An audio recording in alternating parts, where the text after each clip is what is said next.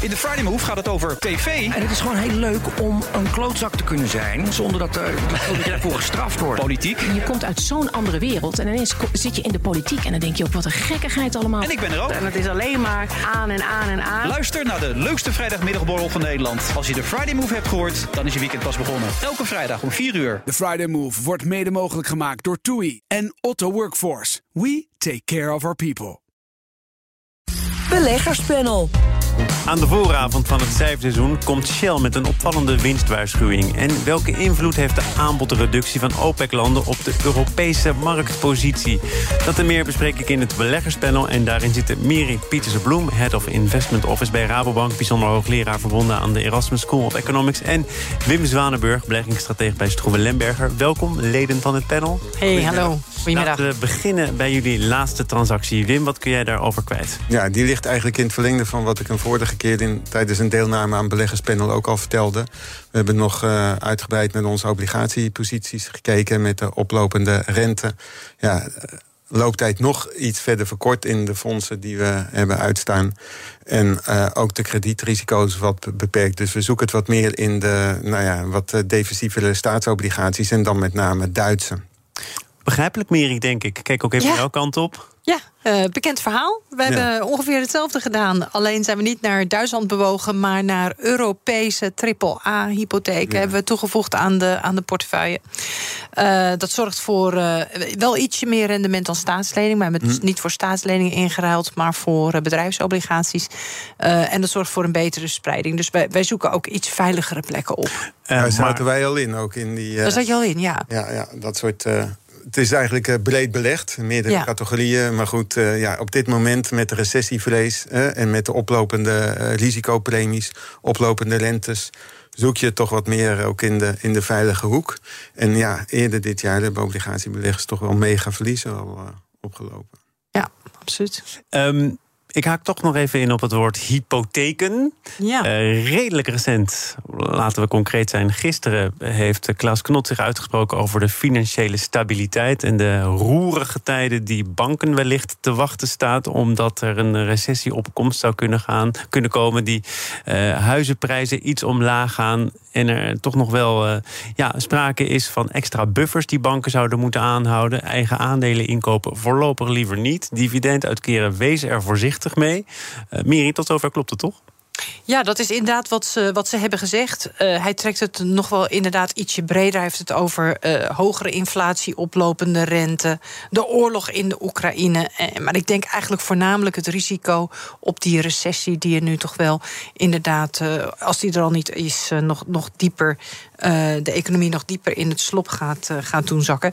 Ehm, ik denk de hypotheekschulden. eh, we hebben natuurlijk in de vorige grote financiële crisis gezien dat het laatste waar mensen niet aan voldoen is aan hun hypotheek. Dus ook als jouw huizenprijzen on- onder het niveau van je hypotheek is gezakt, dan blijven mensen toch wel vaak die hypotheek aflossen.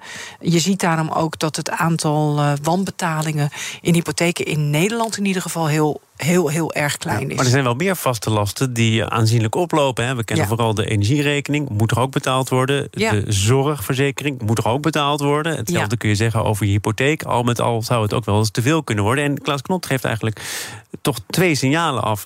Enerzijds tamelijk zorgwekkend. Stabiliteit staat, staat op het spel. Anderzijds, eh, het is wel veel beter dan de vorige crisis. Ja. Wat overheerst er nou voor jou? Nou, het is, het is inderdaad gewoon een heel gemengd beeld. Dus de buffers van banken zijn zeker beter. Maar we hebben natuurlijk, banken hebben veel meer kredieten uitstaan dan alleen hypotheken. Hè? Dus het gaat ook om, om andere vormen van kredieten. Bovendien, ja, de prijzen zijn de laatste jaren fors opgelopen. Maar dat betekent tegelijkertijd dat van de totale hypotheekportefeuille van de banken eigenlijk het onderpand eh, redelijk eh, goed ge- gedekt is. En we hebben nou net een 6% eh, prijsdaling gezien in de vorige periode, maar vanaf een hoogtepunt. Dus ik denk dat die hele eh, hypotheekportefeuille nog een heel goed onderpandwaarde heeft. En wat uh, Miri al net zegt, het uh, betalingsgedrag van uh, hypotheek verschaffers. Hè. degene die een hypotheek gebruiken voor de financiering van een huis is eigenlijk vrij, vrij goed. Dus een miljoen huizen onder water. Hè? Dat vind ik erg over wordt vaak toch alweer in verschillende media bericht die parallel met 2007, 8 en 9 trekken. Nee. Jullie zouden die vraag vooralsnog beantwoorden met nee, dat gaat niet meer gebeuren. Ik denk dat Klaas Knot ook nog een andere bedoeling had. Hè. dividendbeleggingen zijn erg in, in, in, trek. En hij wil eigenlijk ook de banken waarschuwen van verhoog toch wel je solvabiliteit, je reserveratio's. En keer nog niet te veel uit aan, aan, aan beleggers. Dat is eigenlijk een waarschuwing in de zijlijn. Zou dat erachter kunnen zitten, Miri? Dat zou er zeker uh, achter kunnen zitten, deze, deze vroege waarschuwing. Het is natuurlijk wel zo, en dat is ook weer een keerzijde van dezelfde medaille. Bij oplopende rentes verdie, uh, verbetert het verdienmodel van ja, banken. Want banken hebben natuurlijk jarenlang gezegd: ja, er valt geen droog op meer te verdienen. Kijk maar naar, de, naar de lage rente. Precies. En, uh, en je ziet ook in dat gereflecteerd in de aandelenmarkten. er is een enorm verschil tussen sectoren qua performance en, en rendement dit jaar. banken steken daar niet slecht bij af. Uh, nou, iets anders is dat uh, tot nu toe de voorzieningenpotten wel uh, zijn opgehoogd. Maar dat het aantal faillissementen in het bedrijfsleven nog heel erg meevalt. Er is vrees voor een groot aantal faillissementen, met name in het midden- en kleinbedrijf. Voor het internationale grote bedrijfsleven, multinationals, ben ik eigenlijk helemaal niet bang. Als je een verstandige treasurer was, dan had je leningenportefeuille al behoorlijk qua looptijden verlengd. En eigenlijk is tot nu toe de kaststroom, de cashflow, eigenlijk vrij goed geweest qua earnings. Tot aan dit kwartaal in ieder geval. Laten we het uh, over die grotere verdiensten hebben. Als je het uh, specifiek toepast op Shell, dan kun je zeggen... daar is de afgelopen maanden, kwartalen heel veel geld verdiend. En toch uh, nu een opvallende waarschuwing. De kwartaalresultaten zouden wel eens tegen kunnen vallen. Wim, wat zit daarachter? Nou, het, het, lijkt eigenlijk een simpel in een tweetje. Hogere olieprijs, hogere verdiensten voor de oliemaatschappijen. Maar dat zijn tegenwoordig ook uh, gespreide ondernemingen. Shell heeft zich ook bewogen op de gasmarkt. Nou, oké, de gasprijs is ook omhoog. Ik, ik, zie nog geen Maar waar nu veel beweging is, is in, vooral in de liquid uh, natural gas prijzen. En daar zit Shell ook in de handel. Daar hebben ze toch tegenvallers, want die prijzen fluctueren enorm. Ze hebben tegenvallers in de raffinage-industrie. En ze hebben ook... Uh, eh, ja, nog een aantal. Eh, oh ja, in de chemie dus uh, dat is een, een, een, derde poot. Dus het is niet zo'n uh, simpel 1-2'tje van uh, hogere olieprijzen, hogere koersen en hogere winsten. Maar Shell heeft het heel goed gedaan. Is, is dan inderdaad, dat, dat, dat, wilde ik met deze vraag toch proberen duidelijk te krijgen. Deze waarschuwing, is dat dan een waarschuwing die erop neerkomt dat er iets minder, heel veel meer geld verdiend wordt dan verwacht mag worden? Of gaat het echt behoorlijk tegenvallen? Nou, je, ziet, onder druk? je ziet van die, van die energiesector, dus van de oliemaatschappijen, en dan kijk ik wereldwijd ook naar Exxon en, en, en dergelijke. Uh, daar zie je echt de winsten dit jaar uh, fors stijgen. Dan zie je eigenlijk nog uh, opwaartse bijstellingen van winsttaxaties. En bij de andere is dat juist het omgekeerde het geval... als we een beetje straks nog vooruit gaan blikken op het kwartaalresultatenseizoen. Maar uh, ja, wat ik al zei, het zijn gespreide ondernemingen. Ze hebben meerdere activiteiten. En ja, het is niet zo heel simpel, want straks komt er misschien ook een vraaguitval. Hè. We zien nu hoge olieprijzen, maar als er echt een recessie komt wereldwijd, ja, dan uh, zal ook eh, in de olieindustrie minder geld te verdienen zijn korte vooruitblik inderdaad op dat uh, cijferseizoen. Uh, Meri, wat mag daarvan verwacht worden? En bepalend daarbij is natuurlijk ook wat zijn de vooraf afgegeven verwachtingen? Gaan bedrijven die toch nog weer overtreffen? Hebben ze de lat dermate laag gelegd dat het allemaal wel mee zal vallen? Ja, nou ja het, cijferseizoen is eigenlijk nu net pas begonnen. Uh, zoals altijd komen eerst een aantal grote Amerikaanse banken met cijfers naar buiten. die lopen altijd op de, op de muziek een beetje vooruit. nou, die zullen al een eerste indicatie gaan geven. Maar banken hebben natuurlijk wel een heel ander verdienmodel um, als gewone bedrijven. Uh, het cijferseizoen is voor mij altijd een beetje dubbel, want het is grotendeels kijk je terug op wat bedrijven hebben verdiend. Wat ik zelf altijd het meest interessant vind aan het cijferseizoen is de vooruitblik. Uh, de blik vooruit. En ja, ik denk dat je daar toch wel kunt gaan verwachten dat uh, verwachtingen nog verder naar beneden bijgeschaafd zullen, zullen gaan worden. En dat zal verschillen van industrie tot industrie, denk ik. En wat zijn de zaken die we uh, vaak zullen gaan horen. Alvast even een voorschot. Uh, we zijn meer geld kwijt aan uh, lonen. We hebben valutaire tegenwinst. Ja. ga, je, ga je dat allemaal ook bij nou ja, in verklaringen om die soms tegenvallende cijfers wellicht toe te lichten? Ja, nou kijk, natuurlijk de mate waarin een recessie in de cijfers in verwacht en ingeprijsd gaan worden. Dat heeft ook te maken met die consumptieve uh, vraaguitval. En de mate waarin bedrijven, en ook dat zal wisselen, uh, hogere productiekosten kunnen gaan doorberekenen aan klanten. Ja, Wim? Ja, ik wil nog graag aanvullen, aanvullen. Je zei net uh, valutaire tegenwind. Dat wordt met name door de Amerikaanse multinationals uh, gemeld waarschijnlijk. Hè? Want voor zover die dus winst in het buitenland behaalt... terugvertaald naar dollars, is dat dan minder.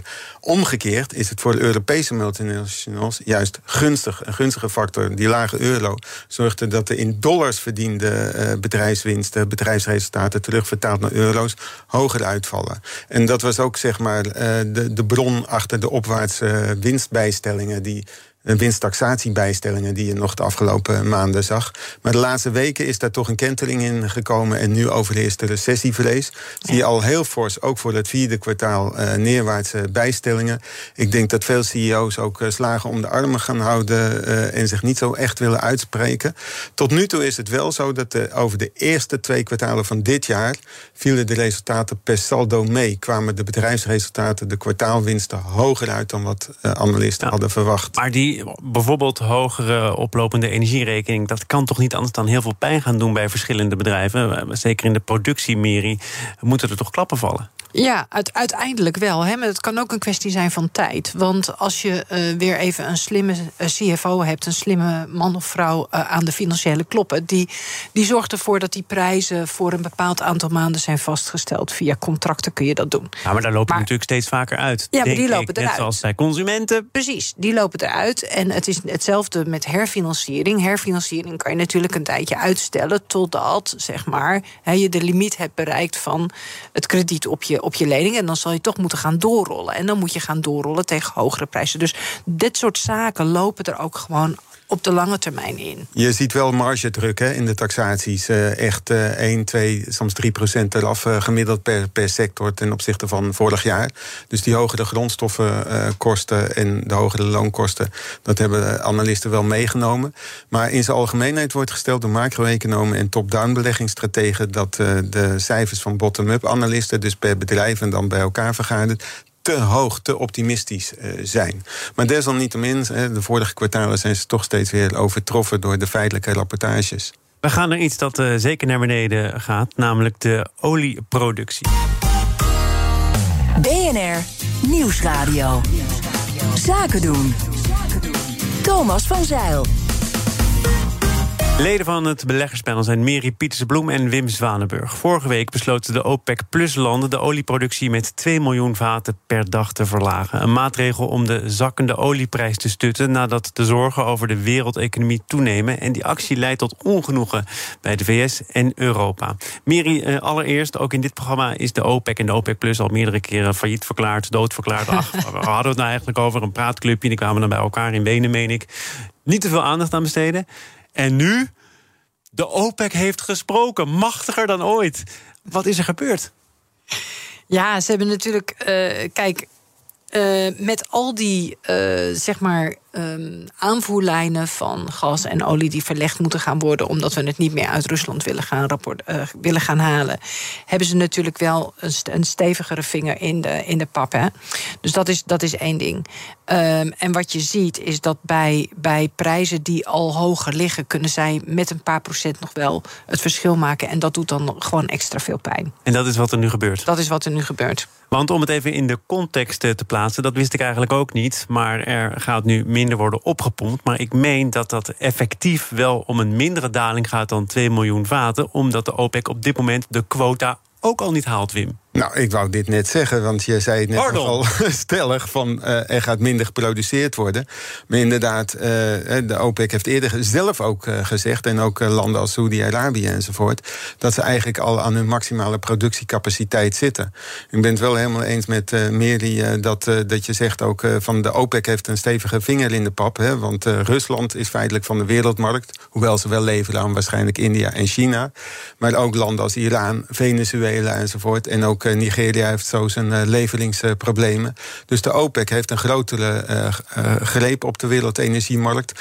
Er staat wel ook nog tegenover dat de VS de afgelopen, het afgelopen decennium de eigen olieproductie en schalieolie en gas vorst heeft is uitgebreid. dus min of meer zelfvoorzienend geworden. Maar als dat dan de ontwikkeling is, dan, dan zou het toch niet anders kunnen dan dat we met z'n allen wat minder afhankelijk zijn geworden van die OPEC-landen. En nu zie je toch dat als er daar wat besloten wordt, markten eh, in beroering zijn. Dat het toch. Nou ja, eh, Rus- Rusland was natuurlijk zeker op gebied van, eh, van gas een, eh, een hoofdleverancier aan, aan, aan Europa. Dus eh, ja, eh, die, die, die markt is nu echt eh, toch in handen van, eh, van een aantal beperkter aantal spelers. En, en wat de Verenigde Staten ervan vinden, dat doet er ook wat minder toe. Want ik begrijp dat het tot op het laatste moment is geprobeerd om eh, OPEC-landen op andere gedachten te brengen. Maar misschien juist omdat ze zo zelfvoorzienend zijn, kunnen ze bij de OPEC denken: ach joh, laat maar praten in Amerika. Ja, Joe Biden die heeft dan bij zijn laatste bezoek aan eh, Saudi-Arabië wel een poging gewaagd. eh, maar dat is niet heel erg succesvol eh, gebleken. Ik denk daarbij ook dat eh, olieproducenten veel meer naar China kijken. Ja. Eh, China is natuurlijk een enorme importeur van, eh, van energie. Die staat nu nog wat in de luwte, omdat een groot deel van China nog in lockdowns zit. Eh, waar ik zelf een, beetje, een klein beetje voor bevreesd ben, is dat als die, eh, die, die beperking op de, op de productie tegelijkertijd zou komen met het heropenen van China. Wat, je, wat niet geheel eh, onverwacht scenario is, want straks komt eh, de Communistische Partij van China bij elkaar. 15, 16 oktober. Is gewoon dit, dit, dit weekend, hè? Dat Ja, gaat dit er een hoop te gebeuren. Ja, absoluut. Absoluut. Er staat een hele hoop te gebeuren in China. En een van de dingen waar ze naartoe zouden kunnen besluiten is eh, dat ze dus een, een ander beleid ten aanzien van COVID gaan hanteren. Eh, en dus COVID ook meer gedogen eh, als zeg maar ja, een, een soort van virus waar ze niet meer het hele land voor dicht hoeven te gooien. Nou, sterker, dat wordt, dat wordt volgens mij is echt verwacht. Omdat ik zie, dat klinkt nu alsof het hartstikke democratisch eraan toe gaat. Maar een, een volgende termijn nodig heeft. En ook wat economisch perspectief moet bieden. Exact. En dus de scherpe kantjes van dat COVID-beleid af moet zien te slijpen. En als China op grote schaal open gaat en dus ook weer gaat produceren, maar ook de consumentenvraag in China weer terugkomt, en dat zou tegelijkertijd komen met die energiekrapte, dan zou een olieprijs zomaar weer eens naar de 110 kunnen schieten. Dat zou kunnen. Is hier eh, gezegd in dit beleggerspanel. ja, olie, nee. olie naar 110. Nou ja, ja Mogelijk. Er, zijn vele marktforcers die dat ook eh, voorspellen. Bijvoorbeeld Goldman Sachs eh, vorige week nog in een eh, rapport zelfs, meen ik, naar 130. Ah. Maar goed, eh, ik denk eh, dat met de recessie op komst... en ik denk dat China niet in één keer open gaat. Er is wel politieke druk natuurlijk ook op Xi. Hij is niet helemaal, denk ik, ongevoelig voor de Vox Populi... De, de publieke opinie, ook in China. Maar er is nog een andere politieke factor wellicht die in het eh, spel is. Dat de Saoedi's eh, die delen een forse speldenprik uit. En ook richting Amerikaanse politiek. Hè, want benzineprijzen, ja, die...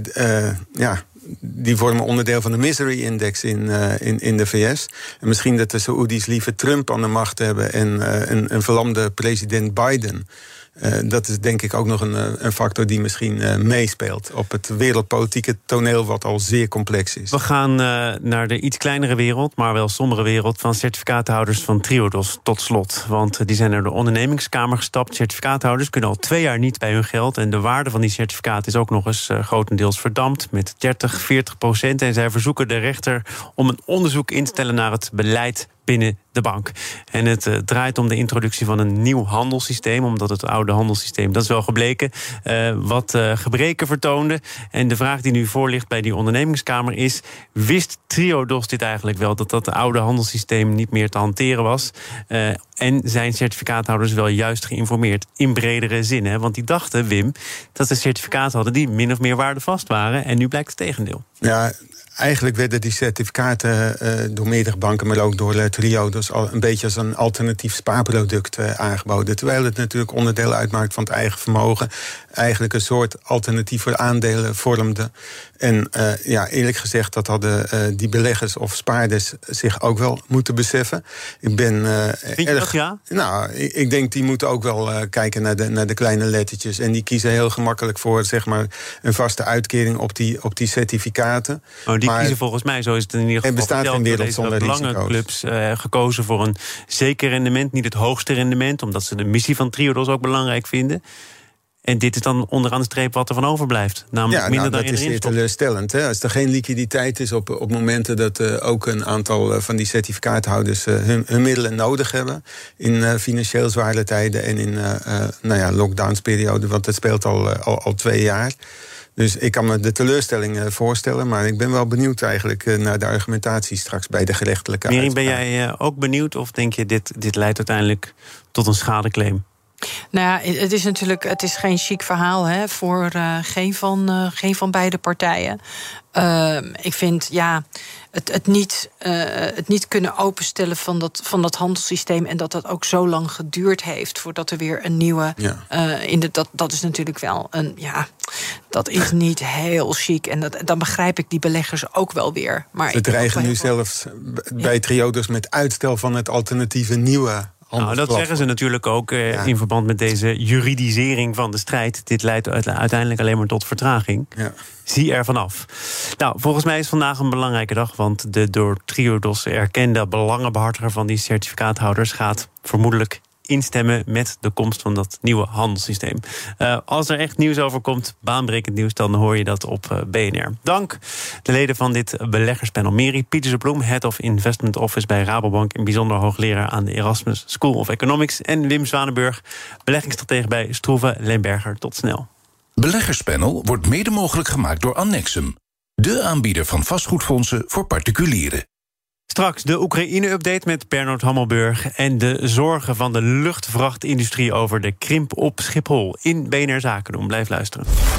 We zijn altijd maar onderweg. Altijd in voor een alternatieve route. En altijd zo snel en het liefst ook zo duurzaam mogelijk. BNR Mobility. Altijd op maandag om half twee. Met Meijner Schut. En natuurlijk altijd met Nout Broekhoff. Oh ja, en je kunt het ook altijd terugluisteren in je favoriete podcast-app. Abonneren maar. Altijd doen. BNR Mobility wordt mede mogelijk gemaakt door ALD Automotive en Leaseplan.